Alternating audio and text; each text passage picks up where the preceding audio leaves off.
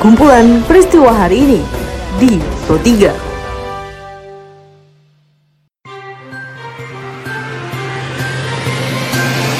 Halo pendengar, selamat berjumpa kembali di podcast Pro 3 RRI. Seperti biasa, pada podcast kali ini saya akan mengulas isu-isu aktual yang masih hangat atau ramai diperbincangkan di sekitar kita. Tentu saja pendengar nanti akan ada cuplikan informasi dari reporter kami. Bersama saya Krisma Rizky, inilah kumpulan peristiwa Pro 3 di ruang dengar podcast Anda. Pendengar sebelum saya masuk dalam beberapa isu aktual yang akan saya hadirkan sesaat lagi, saya akan mengundang Anda untuk mampir ke laman berita kami di rri.co.id. Anda juga bisa memfollow dan berkomentar di sosial media kami di Instagram, Twitter, dan Facebook dengan mengetik at RRI Programatika di kolom pencarian Anda.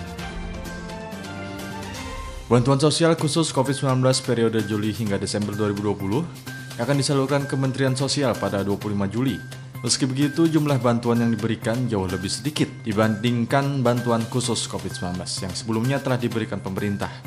Dikutip oleh reporter Apres Tutor, di mana Menteri Sosial Juliari Batubara melanjutkan anggaran tambahan tersebut sebesar 20 triliun rupiah yang dikucurkan pemerintah. Uh, ya kalau mengenai bantuan sosial ini jadi kan begini, kalau untuk yang pertengahan tahun ini uh, secara anggaran sudah selesai ya, sudah seluruh khusus yang Covid ya. Yang di luar reguler itu bantuan sosial sembako, bantuan sosial tunai sudah selesai uh, per Juli ini dan kan akan dilanjutkan lagi sampai Desember dengan nilai yang sedikit berbeda. Uh, ini kan ya se, se tanggal 25 Juli ini uh, kita akan mulai salurkan untuk nanti sampai ke bulan Desember. Kalau untuk realisasi anggaran kementerian sendiri pada se saat sebelum DIPA baru turun dari 104 triliun anggaran Kementerian Sosial itu sekitar 63,4 persen tersalurkan per akhir Juni. Nah cuma kan sekarang anggaran kita menjadi 124 ya. Nah ini 124 karena ditambah 20 triliun untuk uh, perpanjangan program ya nanti kita lihat bagaimana uh, penyerapan daripada uh, top up anggaran tersebut uh, di program-program kita selanjutnya tapi perintah dari presiden sudah sangat clear ya bahwa seluruh kementerian harus mempercepat penyerapan anggarannya karena untuk menggerakkan perekonomian. Pemerintah Indonesia akan mempercepat produksi vaksin COVID-19 melalui beberapa kerjasama inisiatif. Juru bicara Satgas COVID-19 Profesor Wiku Adhisa Smito menuturkan vaksin yang disebarluaskan nanti harus mampu melindungi masyarakat Indonesia dan tidak memiliki efek samping. Sebagaimana yang dikutip dalam pelaporan reporter Radip Tarahardi. Sudah pasti bahwa kita menginginkan bahwa produksi vaksin akan dilakukan oleh perusahaan yang berasal dari Indonesia. Dalam hal ini, sementara ada PT Bio Farma, sebuah BUMN, demikian juga ada rencana dengan pihak swasta, yaitu PT Kalbe, dan nanti tentunya akan berkembang dengan berbagai alternatif dan uh, potensi yang lainnya ada di Indonesia.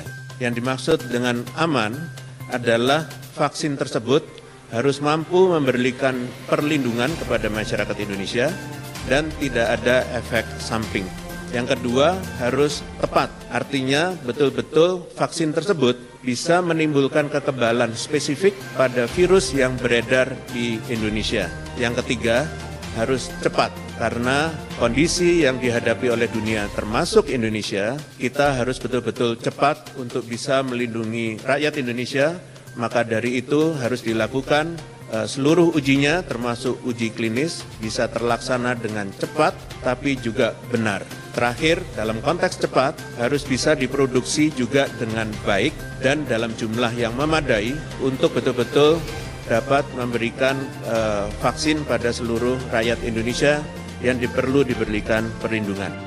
Menanggapi kontroversi kurban online yang marak diperdebatkan akhir-akhir ini, Sekretaris Jenderal MUI Anwar Abbas saat diwawancarai reporter Desi Natalia mengatakan model kurban semacam itu sebenarnya diperbolehkan, namun tidak boleh mengorbankan silaturahmi antar umat di bulan Zulhijjah. Ada teknologi namanya online Hmm. kan. Nah, makanya sebenarnya kurban online itu sebenarnya kurban yang kita lakukan di tempat yang tidak kita ketahui atau yang tempat yang jauh dari kita yang dilakukan oleh kumpulan orang ya di mana transaksi antara kita dengan orang itu sosial itu dilakukan secara online dan akadnya itu adalah mewakilkan institusinya lembaganya kita wakilkan kepada dia untuk menyelenggarakan korban kita boleh nggak? Itu ya boleh. Itu kita berkorban di sekeliling rumah kita dulu. Dengan kita potong hewan itu antara kita sama kita itu ada kohesivitas. Hubungan kita itu semakin erat.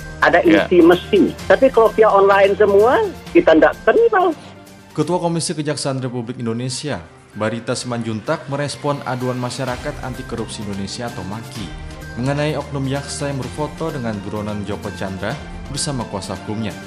Berdasarkan peliputan reporter Herul Umam, Barita juga mengatakan jika memang benar ada oknum jaksa yang berfoto dengan buronan di luar negeri, itu bisa dikenakan hukuman pidana. ini disampaikan secara resmi oleh MAKI Masyarakat Anti Korupsi Indonesia. Jadi kita tentunya akan meneliti, memverifikasi dokumen-dokumen khususnya foto dan surat yang disampaikan. Karena ada dua hal di situ, ada berfoto dengan buronan DJ, kemudian itu menurut laporan pengaduan dari Maki itu di luar negeri. Jadi kalau benar dugaan itu adalah oknum jaksa tentu berfoto dengan buronan itu kan melanggar hukum. Kemudian pergi di ke luar negeri apakah ada izin pimpinannya itu kan akan kita dalami.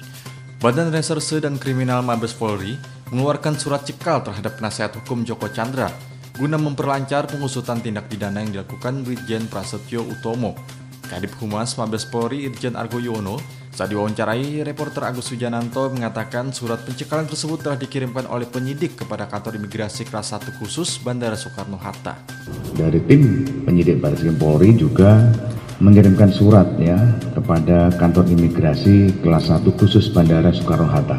Kemudian perihalnya adalah permohonan pencegahan ke luar negeri atas nama Anita Dewi Anggreni Kolopaking. Pencegahan ke luar negeri tersebut sementara selama 20 hari ke depan ya, mulai dari tanggal 22.